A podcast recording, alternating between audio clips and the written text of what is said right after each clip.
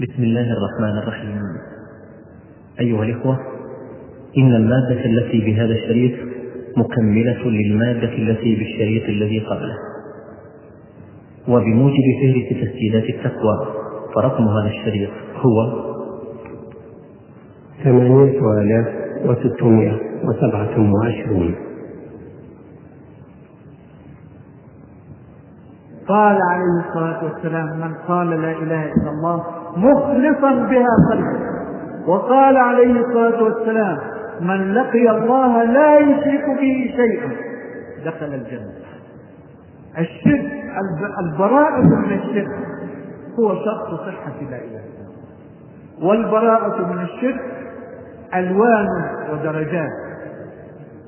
فالاعتقاد بأن الله واحد لا شريك له هو من لا إله إلا الله. والتوجه بشعائر العبادة لله وحده دون أحد من خلقه هي من من معاني لا إله إلا الله. والتحاكم إلى شريعة الله وحدها دون غيرها من الشرائع هي من مقتضيات لا إله إلا الله. والقيام بالتكاليف التي أنزلها الله في كتابه وأمر بها رسوله صلى الله عليه وسلم هي من مقتضيات لا إله والتخلق بأخلاقيات لا إله إلا الله هي من هو من مقتضيات لا الله. الذين يقولون بأفواههم وما أكثرهم يقولون لا إله إلا الله محمد رسول الله ثم يشركون به اعتقادا أضرحة وأولية وموتى وأحياء. ثم يتوجهون بشعائر التعبد لغير الله. ثم يتحاكمون إلى غير شريعة الله. ثم يتخاذلون عن القيام بالتكاليف التي أمر الله بها. ثم لا يتخلقون بأخلاقيات لا إله إلا هل هذه هي لا إله إلا الله التي أنزلها الله وأمر الناس أن يؤمنوا بها؟ ما كان أيسرها على قريش لو أنها كانت الكلمة. ولكنها ثقيلة في الميزان عظيمة لأنها هي الإسلام كله هي الإيمان هي حياة. هي منهج حياة كامل وإنها لهي التي أمر الله بالإيمان بها وأمر أن تنفذ مقتضياتها لتغير وجه الأرض. لقد نزلت لا إله إلا الله لأمر عظيم ليعبد الناس إلها واحدا ولينفذوا شريعة واحدة وليطبقوا منهجا واحدا وليزيلوا الطواغيت من الأرض. هذا هو أثر إله إن كنا قد نسيناه فنرجو أن نعود فنتذكره نعود إلى حقيقة لا إله إلا الله. وإن الصحوة المباركة التي تعم العالم الإسلامي اليوم لهي البشرى بعودة هذه الأمة إلى حقيقة لا إله إلا الله. وعندئذ يتحقق وعد الله الذي لا يتخلف أبدا وعد الله الذين آمنوا منكم. وعملوا الصالحات لا يستخلفنهم في الأرض كما استخلف الذين من قبلهم وليمكنن لهم دينهم الذي ارتضى لهم وليبدلنهم من بعد خوفهم أمنا يعبدونني لا يشركون بي شيئا. أبنائي وإخوتي أرجو الا أكون قد أطلت عليكم فإنما يأخذني الحديث اخذا حين أتكلم عن لا إله إلا الله.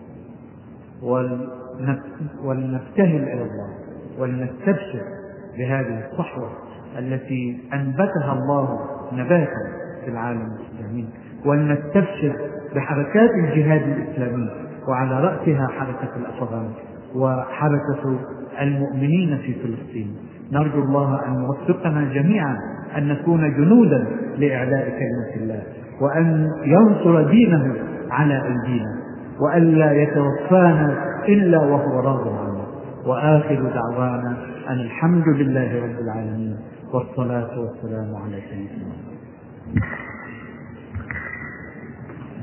فيكم أشكر فضيلة الشيخ محمد لطفي على هذه المحاضرة القيمة. وجزاه الله خير الجزاء. أود أن أعبر عن سرورنا في هذا النادي بهذا الحضور الجيد الذي يدل إن شاء الله على وعي كبير وعلى تمسك بتعلم إسلامنا إن شاء الله. من بين الحضور معنا هذه الليلة ويسرنا ذلك والذي يود المشاركة بكلمة في هذه المناسبة فضيلة الشيخ الدكتور عبد الله المصلح عميد كلية الشريعة وأصول الدين بفرع جامعة الإمام محمد بن سعود الإسلامية في أبها.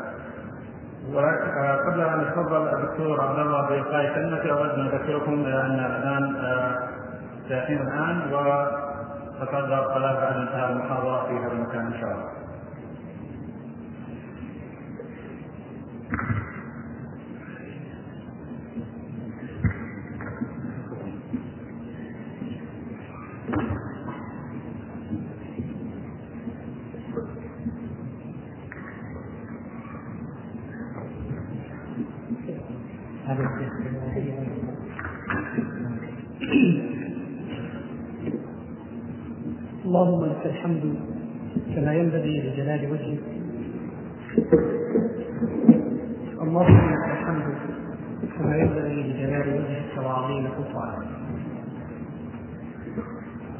اللهم لك الحمد بالإسلام. اللهم لك الحمد بالقرآن. اللهم لك الحمد بعقيدة الإيمان. اللهم لك الحمد بهذا الاجتماع المبارك والتقاء هذه المجموعة الخيرة لتستمع داعية إلى الله عز وجل. أحسبه والله حقيق أحدا ممن يسلك فيه وفي إخوته قول الله عز وجل من المؤمنين رجال صدقوا ما عاهدوا الله عليه ومنهم من قضى نحبه ومنهم من ينتظر وما بدلوا تبديلا. أحمد الله عز وجل إذ ارانا هذه الجموع المباركة تلتقي على مائدة من موائد الإيمان لتنهل من المعرفة ولتستشرف ما يجب عليها أن تعلمه في أمر دينها وعقيدتها. ذلك أنا نعلم علما يجب أن نبلغه الناس وأن يعلمه كل إنسان من المسلمين. أن الله عز وجل لا يقبل من عبد عملا حتى تقوم أعماله على ثلاث قواعد. القاعدة الأولى أن يبني عمله على قاعدة الإيمان. وهو الأمر الذي نعبر عنه بالعقيدة. الأمر الثاني أن يكون عمله خالصا لوجه الله عز وجل. والثالثة أن يكون فيما يعمل متبعا لا مبتدعا. سائرا على هدى رسول الله صلى الله عليه وسلم وعلى طريقه فيما يجب عليه أن يعتقد أو أن يتلفظ به أو أن يفعله. فإن كان ذلك كذلك فقد صاغ نفسه صياغه ربانيه ذلكم الإنسان الذي يتحرك بما أراده الله عز وجل ويفعل ما يحبه الله سبحانه وتعالى. وجزا الله الأستاذ الشيخ الداعية محمد قطب خيرا على ما قاله في هذه الأمسية وعلى ما سمعناه منه في حديث عن العقيدة وأثرها في حياة المسلمين. وهو كما ذكر أثابه الله في كلمته الجامعة التي قالها وقالها من العلماء المحققين من قبله رجال فتح الله عليهم فواتح التوفيق والرضا فقالوا من إن الإنسان إن لم يشغل نفسه بالحق شغلته بالباطل آخذين ذلك من قول رسول الله صلى الله عليه وسلم أصدق الأسماء حارث وهمام أي أصدق ما يصدق على بيان حقيقة الإنسان وعلى جلاء حقيقته أنه دائم الحركة دائم التفكير والتأمل. فلا تنقضي حركته ولا ينقضي تفكيره وتأمله ولكنهما تفكيران وحركتان. إحداهما لله والثانية في ميزان الشيطان. هو دائم بين أمرين بين الولاية للرحمن والطاعة للشيطان لا يخرج عنهما. فلا بد للمسلم أن يحاسب نفسه أين موقعه أين مراداته وأين أفعاله. فإن كانت مراداته نواياه تطوعاته ما يخزنه في نفسه من الآمال والتطوعات والرؤى والنظرات هي لله وحده فليبشر أن مراداته قد صيغت صياغة ربانية وأن قلبه قد صار لله الواحد الأحد لم يصبح به شريكا يشرك به غير الله يعبد به غير الله سبحانه وتعالى. وكذلك أفعاله. هي دائرة بين طاعة لله أو طاعة للشيطان. وإن كان ما يفعله الإنسان جزء منه قد يكون مما يكفر به وجزء منه قد يكون مما يكون به عاصيا وهذه مسألة يعرفها أهل الاختصاص في قضية التفريق بين التكفير والمعصية أي بين الكفر والمعصية. والكفر كما هو معروف كفر اعتقادي وكفر عملي لأن الكفر كفران والشرك شركان والظلم ظلمان كما يحقق ذلك أهل العلم. وتأتي بعد ذلك المعاصي إلى كبائر وصغائر وليس المراد الآن بيان تفصيلها ولكن يجمعها كلها أن العمل لا يخرج عن قاعدتين إما أن يكون لله أو كان لغير الله سبحانه وتعالى. وواجب المسلم كما ذكره شيخنا واستاذنا أثابه الله أن يأخذ نفسه ليصوغها صياغه ليكون عبدا للواحد الأحد الفرد الصمد الذي لم يلد ولم يولد ويترك ما سوى الله مما قد يجذبه إليه ليصير عبدا له وهذه هو تحقيق معنى العبودية وإخلاص الاعتقاد لله وحده لا شريك له. أثابك الله أيها الشيخ وأكرمك وبارك فيك وإن لك في هذا الجمع لسابقة علم ومعرفة من خلال كتبك التي ألفت ومن خلال مناهج الدراسة التي كتبت وقد جاء مجموعة من تلاميذك حتى يروك. أسأل الله أن يجعل ما فعلت خالصا لله وأن يحفظه لك في ميزان حسناتك وأن يرزقنا جميعا الإخلاص لأن الإخلاص والصدق مع الله هو الأمر الباقي. وأما ما عداه فأشواط قصيرة ستتقطع إن عاجلا أم آجلا وسيصبح الله صاحبها إن قريبا أم بعيدا. اللهم اجعلنا لك ولا تجعلنا لسواك يا رب العالمين. كلهم صالح. الوقت. انت تفضل. حقيقة ما إلا الشيخ فقط ولكنها خواطر سريعة. وأما الآن فمع الأسئلة وأسأل الله عز وجل أن ينفعنا بما نسمع.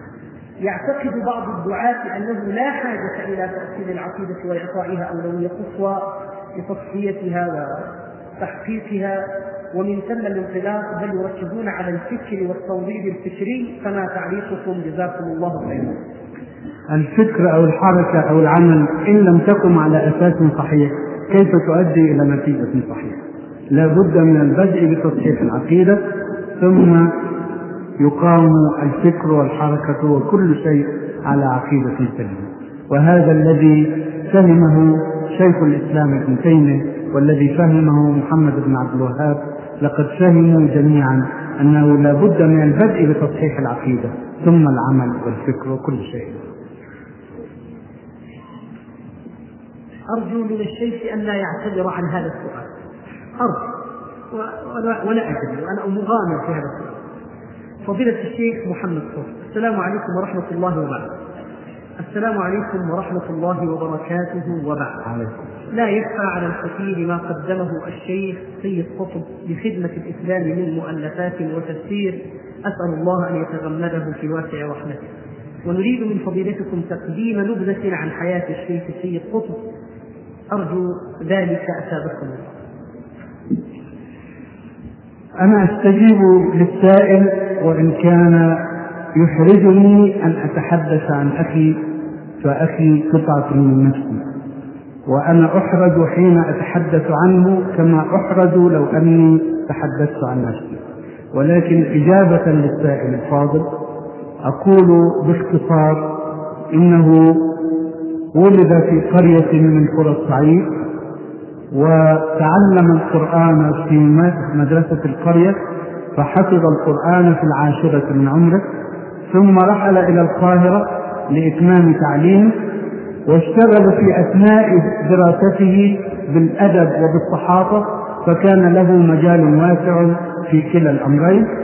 ثم لما تخرج في دار العلوم وهي مدرسة عليا كانت تدرس اللغة العربية والعلوم الشرعية.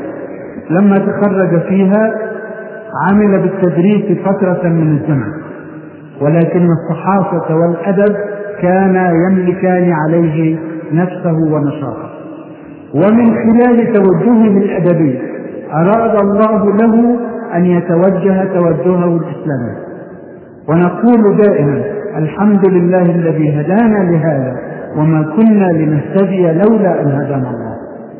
لقد نشأ سيد في بيئة متدينة ولكن الأدب شغله فترة من الوقت. وشاء الله كما قلت أنه من خلال الأدب يعود إلى كتاب الله ثم يعود إلى الحركة بهذا الدين في واقع الأرض. كانت هناك قضية أدبية تشغله وهي اللفظ والمعنى. وهل المعنى واحد حين يتغير اللفظ؟ أم يتغير المعنى بتغير اللفظ. وكان من رأيه أن كل تعبير يحمل معنى خاصا فإذا تغير التعبير تغير المعنى. إن لم يكن المعنى الذهني فظل المعنى في النفس. وأراد أن يستشهد على نظريته بآيات من القرآن. فعاد إلى كتاب الله يستخرج منه النماذج. وكتب هذا في كتابه التصوير الفني في القرآن. ثم كتابه الآخر مشاهد القيامة في القرآن. ولكن دراسة القرآن جذبته إلى معان أخرى في كتاب الله غير تلك القضية البلاغية. وكان الشيوعيون في مصر في ذلك الوقت ينشرون دعوة عريضة يقولون فيها الأحوال فاسدة ولا علاج لها إلا الشيوعية. فأخرج مجلة يقول فيها إن الأحوال فاسدة ولا علاج لها إلا الإسلام. ومن أجل هذا أبعدته حكومة القاهرة في ذلك الوقت لأن الملك يومئذ أمر باعتقاله. الملك فاروق أمر باعتقاله. وكان رئيس الوزراء صديقا شخصيا له من أيام اشتغاله بالسياسة الحزبية. فلم يرد أن يعتقله وفي الوقت ذاته أراد أن يبعده عن الجو كله. فرسم له تلك البعثة التعليمية. في أثناء وجوده في أمريكا حدث حادث ضخم كان له تأثير كبير جدا في حياته. قتل الإمام الشهيد حسن البنا في عام 1949 وفي ذلك الوقت كان سيد في أحد مستشفيات أمريكا على إثر جراحة أجريت له لإزالة اللون وفي تلك الليلة أقيم حفل ساهر راقص إلى الصباح احتفالا بمقتل حسن البنا وكان هذا الحفل ذا تأثير ضخم في نفسه. وقال في نفسه إن هذه الجماعة التي تغيظ الصليبية والصهيونية إلى هذا الحد ويشمتون في مقتل قائدها إلى هذا الحد جماعة ينبغي أن تتبع وينبغي أن يلتحق بها وكان إلى ذلك الوقت يكتب كتبا في الإسلام لكنه لم يكن قد انتظم في الحركة الإسلامية فعزم حين يعود أن يلتحق بهذه الحركة ويكون واحدا من جنوده وكان بالفعل بمجرد عودته التحق بتلك الجماعة وخاض معها ما خاضتهم معه. وجاءت من خلافات العسكرية وكان ما كان من اعتقاله ثم سجنه حكم عليه بالإعدام أول مرة ثم خفف الحكم إلى خمسة عشر عاما من السجن. قضى منها عشر سنوات ثم جرى له عفو صحي. في خلال هذه السنوات كتب في ظلال القرآن. وكتب كتبه الأخرى هذا الدين المستقبل لهذا الدين الإسلام ومشكلات الحضارة خصائص التصور الإسلامي ومقوماته وأخيرا آه، معالم في الطريق. أخرج عنه ثبورا في عام 1964 ثم أعيد إلى السجن مرة أخرى في عام 1965 وفي نية من أعادوا أن يقتلوا ونفذوا عزيمتهم وتحددوا بحجج واهية ونفذوا فيه الحكم. في الأسبوع الذي سبق تنفيذ الحكم ما بين إعلام الحكم وتنفيذه مر أسبوع كامل. في ذلك الأسبوع كتب الجزء الأخير من مقومات التصور الإسلامي.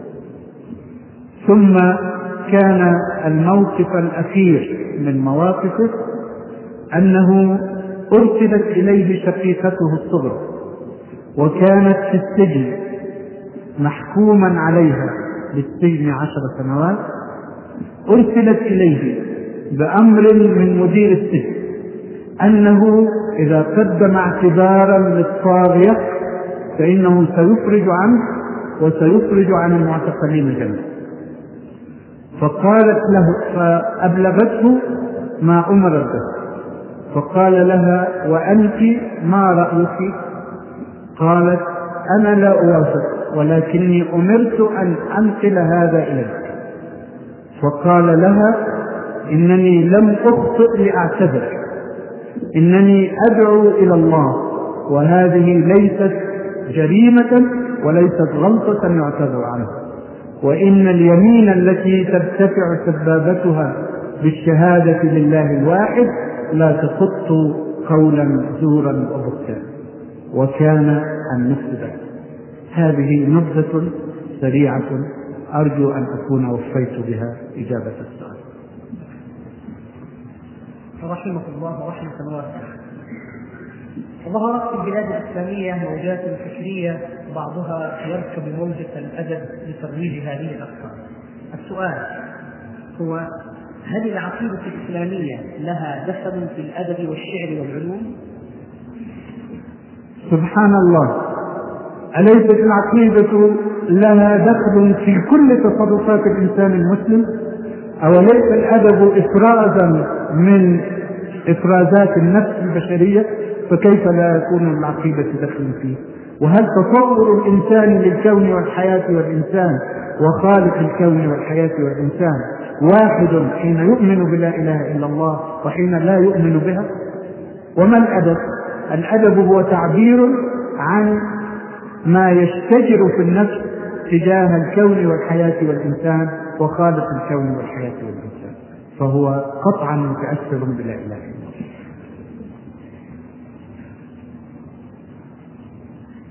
ما هي الدعائم الأساسية لعودة الأمة الإسلامية إلى مجدها كما كانت من قبل في عهد رسول الله صلى الله عليه وسلم. مع نحن في الاعتبار واقع المسلمين الآن في تفرقهم واختلافهم وانقسامهم إلى شعوب ودويلات واختلاف الدعاة إلى الله عز وجل إلى جماعات مسلمة كل الذي يقول عنه السائل الفاضل حقيقة. ولكن كل ذلك لا يعوقنا عن الدعوة إلى لا إله إلا الله ولا يقطع أمل أملنا في وجه الله سبحانه وتعالى. والله يقول والذين جاهدوا فينا لنهدينهم سبلنا وإن الله لمع المحسنين. فلنصدق الله نصدق الله الجهاد وننتظر من الله سبحانه وتعالى النصر والتوفيق. ومن التوفيق أن يجمع كلمة المسلمين ومن التوفيق أن يزيل تلك الحواجز الوهمية التي فرقت بين المسلم وأخيه المسلم. لا يأس مع الحياة.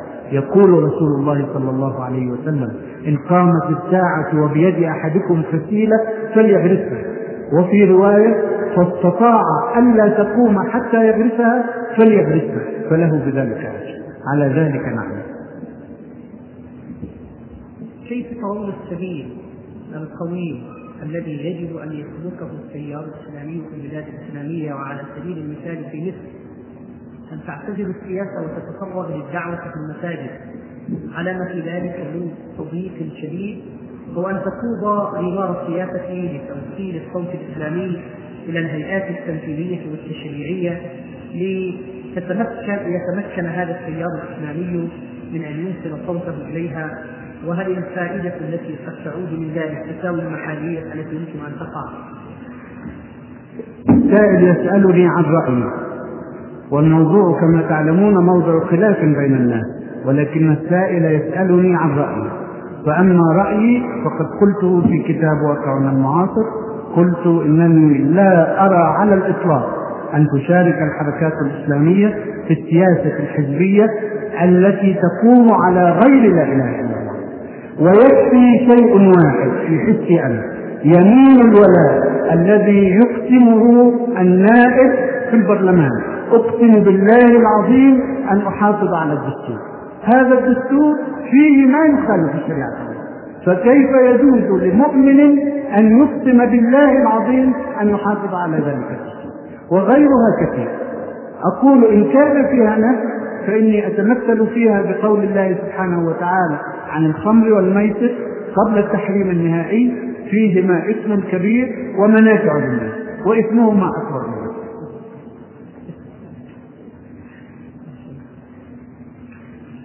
آه الشيخ طبعا نسيت أن أقول أحسنت قبل أن آه فضيلة الشيخ ما رأيكم في حاضر العالم الإسلامي وكيف ترون تنقيته من المذاهب الباطنية كالخيرية والدروز وغيرهم من المذاهب الباطنية آه الهدامة؟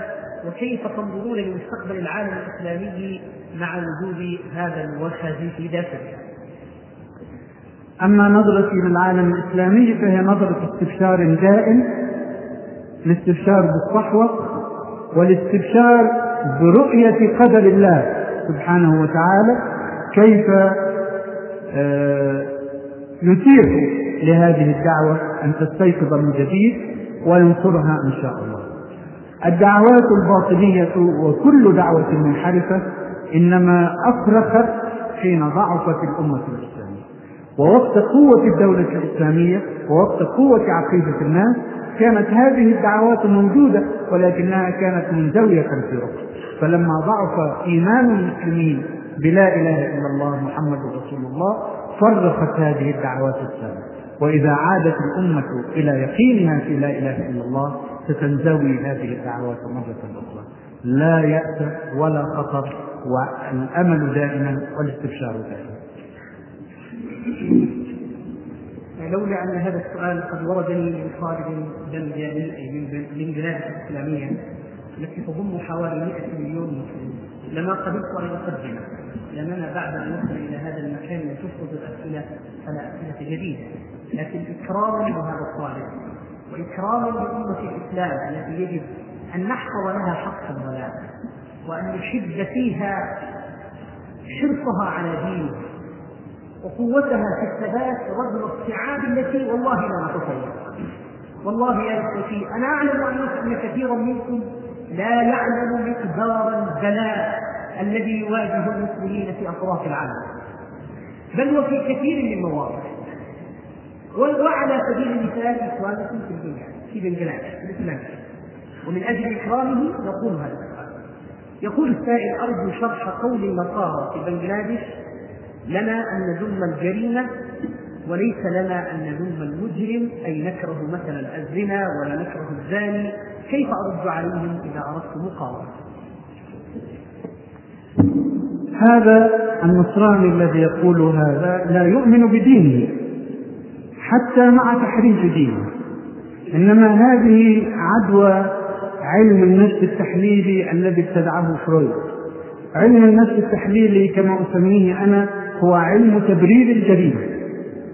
إن المحلل النفساني يجعل من التفسير تبريرا.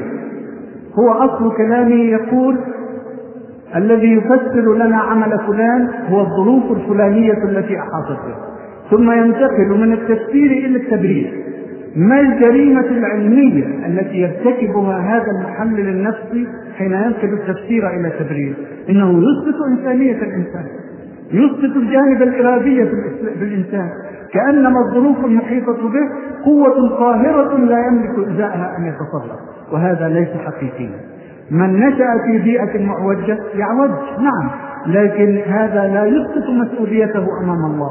بل الإنسان على نفسه بصيرة. ولو ألقى معاذيره لأن الله أودع الفطرة البشرية أن تتوجه اليه وأودع الإنسان عقلا يتصرف به ويدرك به الأمور من حوله فلا حجة له أن ينحرف مع المنحرفين.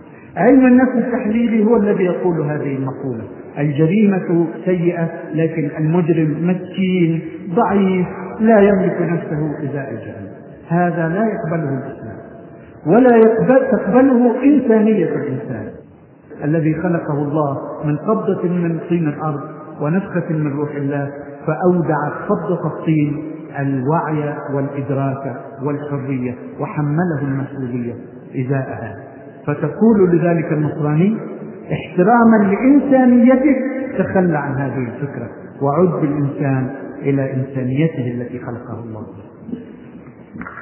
شكرا. إذا كان الربا والشهوة وغيرها أرباب من دون الله وآلهة تعبد بإطلاق فما الفرق بين المعصية والكفر إذا؟ الفرق بين المعصية والكفر واضح. وقد تحدث أستاذنا عرضا عن هذه الفكرة. المؤمن قد يعصي يعني يقع في المعصية اتباعا لشهوة من الشهوات ولكنه حين يستحل هذا العمل يكفر والعياذ بالله الكفر استحلال لشريعة غير شريعة الله ومنهج غير منهج الله. الله يقول الربا حرام ويقول الكافر الربا لا داعي لتحريمه لأن فيه مصلحة. المسلم الذي يقع في المعصية لا يستحل هذا العمل ولا يجعله شريعة من دون الله لكن يقع فيه اتباعا لشهوة مؤقتة. فيرتفع الإيمان عنه كأنه ظلة. فإذا ذكر الله وتاب واستغفر عاد الإيمان فاستقر فيه. صاحب هذا السؤال يقول فضيلة الشيخ محمد قطب السلام عليكم ورحمة الله. إني أحبك في الله جمعني الله وإياك في ظله يوم لا ظل إلا ظله. ونحن معكم يا أخي إن شاء الله. نعم. آه نحن في هذه المنطقة الجنوبية آه عدد من القبائل وكل يباهي بقبيلته ويفاخر ولو على حساب الآخرين. أرجو أن تعلق على هذه القضية وشكرا. قضية ما تحتاج إلى تعليق. آه لقد أذهب الإسلام عنكم عبية الجهل وعاد المسلمون مع الأسف إلى شيء منها في هذه المفاخرة بالآباء والأجداد والقبائل والأجناس والشعوب حين يعودون إلى التجرد الحق لله ستذوب هذه الخلافات ويعود الناس مؤمنين إخوة في الإيمان ولا يمنع هذا بطبيعة الحال أن يكون أولو الأرحام بعضهم أولى ببعض في كتاب الله. الولاية شيء والتفاقم الذي يحدث بين المسلم والمسلم شيء. بعض الشباب يشجعون بعض النوادي تشجيعا جنونيا من عباراتهم المشهورة هلاليون حتى الموت نصراويون حتى الموت وديعيون حتى الموت.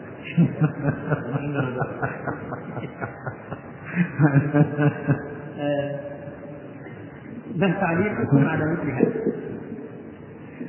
يقول تعالى قل إن صلاتي ونسكي ومحياي ومماتي لله رب العالمين لا شريك له فالموت أيضا لله لا للنادي الفلاني ولا النادي الفلاني ويكفي أن السائل وصفهم بأن هذا اتجاه جنوني فليعقل أصحاب هذه الاتجاهات وليعودوا إلى الجاهل. واجب نظريتكم في الادب الاسلامي طائفتين من الأدباء. طائفة تتخذ من ذلك مبررا للخطابية المباشرة والوعظية الحالية من المقومات الأدبية الرفيعة. وطائفة ترى أن مجال تسميه الأدب بالاسلامي لأن الأدب يعبر عن التجربة الإنسانية التي تساوي يتساوى فيها كل بني البشر ما تعليقكم وفقكم الله. الفاضل نسب إلي نظرية في الأدب وأنا لا أعرف عن نفسي أنني قدمت نظرية في الأدب فكثر خيره على أي حال. إنما قوله إن إنه يستوي المؤمن والكافر في التجربة الإنسانية هذا إلغاء لتجربة الإيمان كلها من أولها إلى آخرها. إذا قلنا أن التجربة النفسية يتساوى فيها الكافر والمؤمن. أليست التجربة النفسية؟ فهي نفس. إذا هذه نفس المؤمنة وتلك نفس الكافرة كيف يستويان؟ يعني؟ لا يمكن أن يستوي. أما قضية الخطابة المباشرة فقد قلت عنها في كتاب لي ولا أزعم أن هذا الكتاب نظرية وما زعمت لنفسي قط أن لي نظرية أدبية. قلت إن التعبير كلما كان بعيدا عن التعبير المباشر كان أدخل في الجانب الفني وأكثر تأثيرا في القلب البشري. أما الوعظ فله مجاله ولا يجوز أن نقلب الفن والأدب هذا رأيي وأمري إلى الله. هذه قضية أتمنى إن شاء الله تعالى أن يتوفر لها في أستاذ محمد للدراسة لأني أجد أنها قضية آه، من القضايا القائمة في ساحة اليوم لعلنا أن نسمع فيها شيئا أوسع وأكثر يعني أحسبها من القضايا الحية التي تعيش في وجدان كثير من هل هناك تعارض في دراسة علم النفس والإسلام وما الحكم في النظريات المكتوبة في دراسة علم النفس؟ سؤال عام الذي أريد أن أتحدث فيه حديثا لعله أن يشفي إخواننا في قضيتها في هذا الجانب.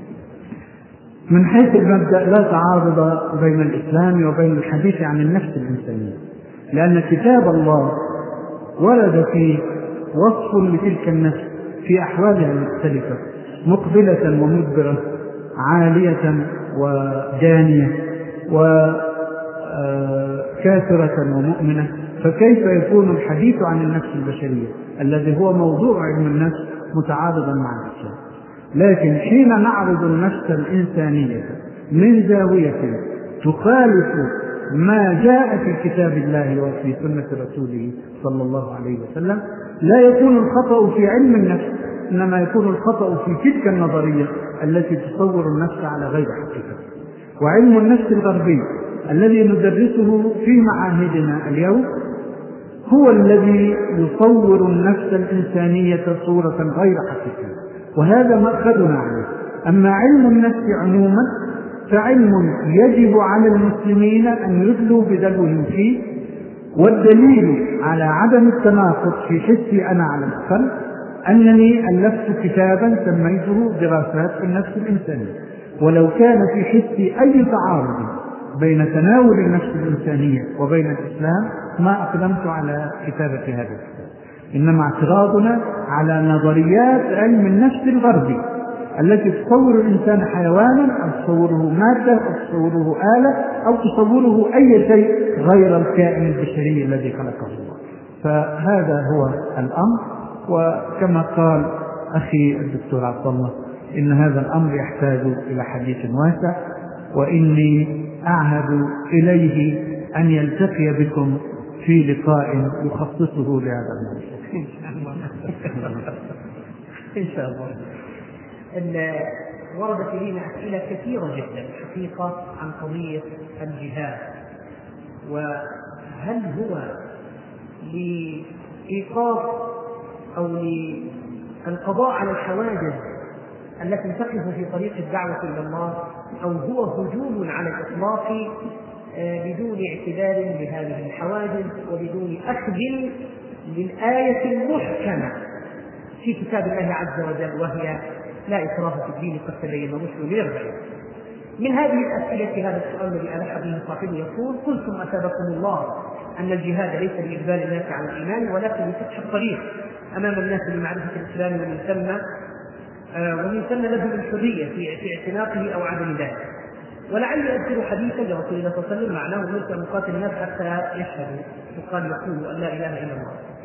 وإذا كانت الحرية قائمة للنصراني واليهود في البقاء على أديانهم فإن هذا لا يتأتى للوثني إضافة إلى أننا نعلم علم اليقين أن اليهود والنصارى على عقائد محرفة باطلة. ما تعليقكم أثابكم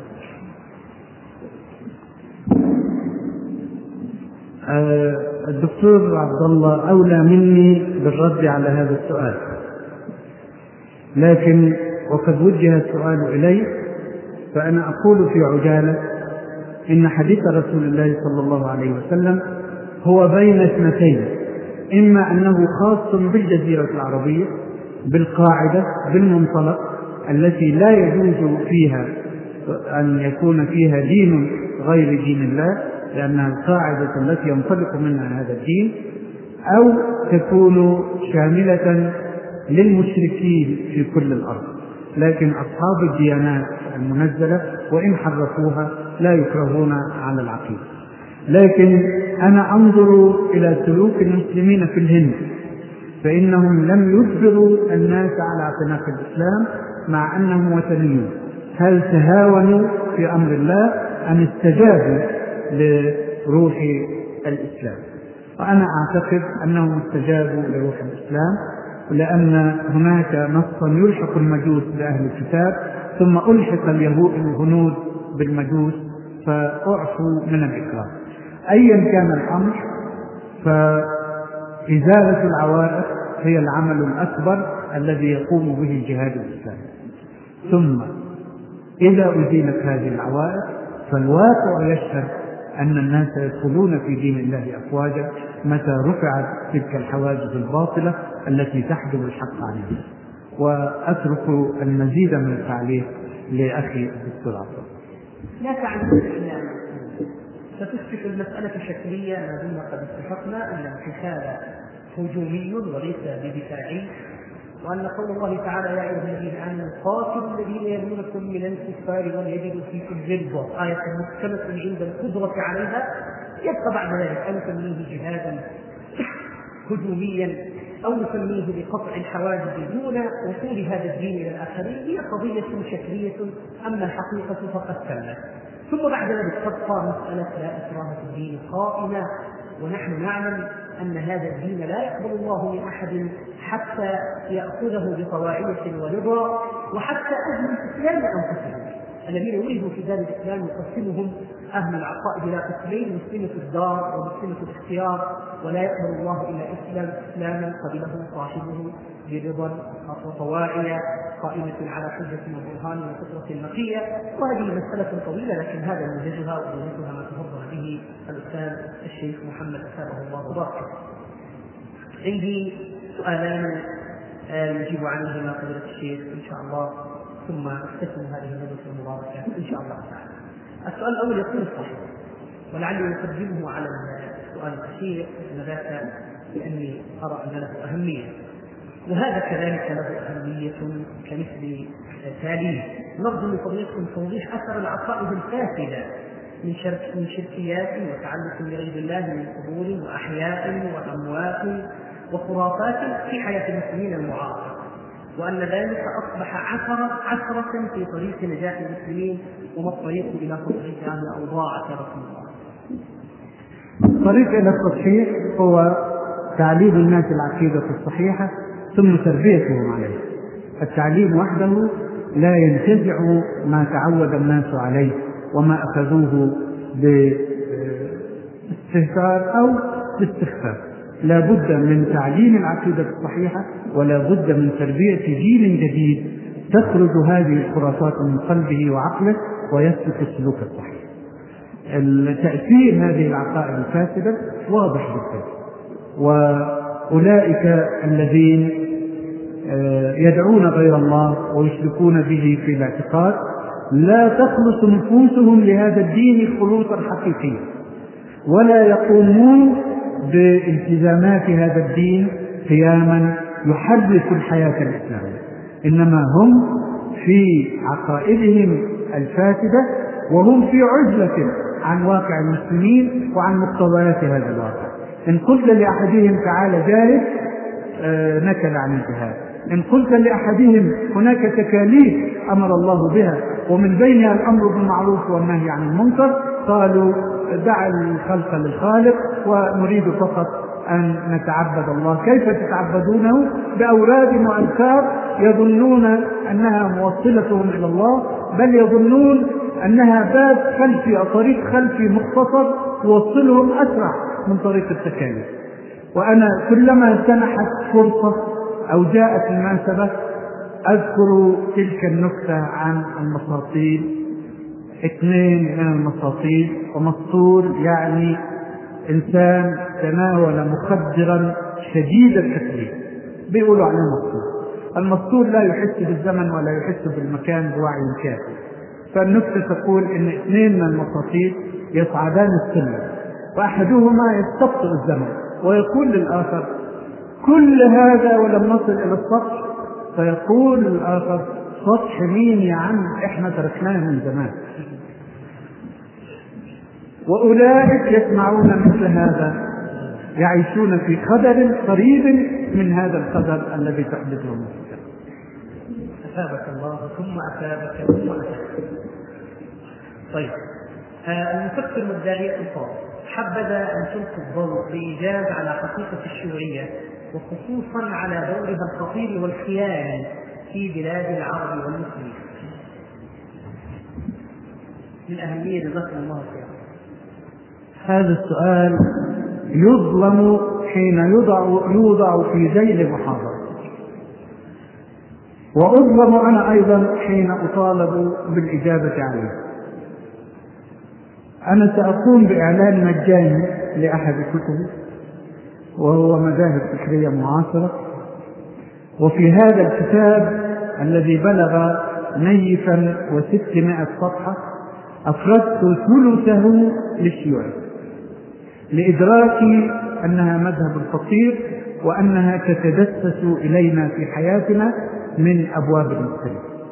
لكن حين يطالبني السائل بكلمة موجزة في دقيقة واحدة أقول إن الشيوعية مذهب قائم على تصور مادي بحت للكون والحياة والإنسان والخالق يقولون لا إله والكون مادة وعلى هذا يبنون فكرهم كله أنه ليس للكون إله وأن الكون مادة وأن المادة هي التي خلقت وهي التي طورت ثم خلقت الإنسان في آخر الأمر والإنسان في قولهم هو نهاية التطور المادي.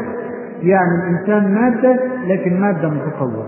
وأنا أعجب للرب الخالق الذي هو المادة كيف سمح لواحد من مخلوقاته أن يسيطر عليه؟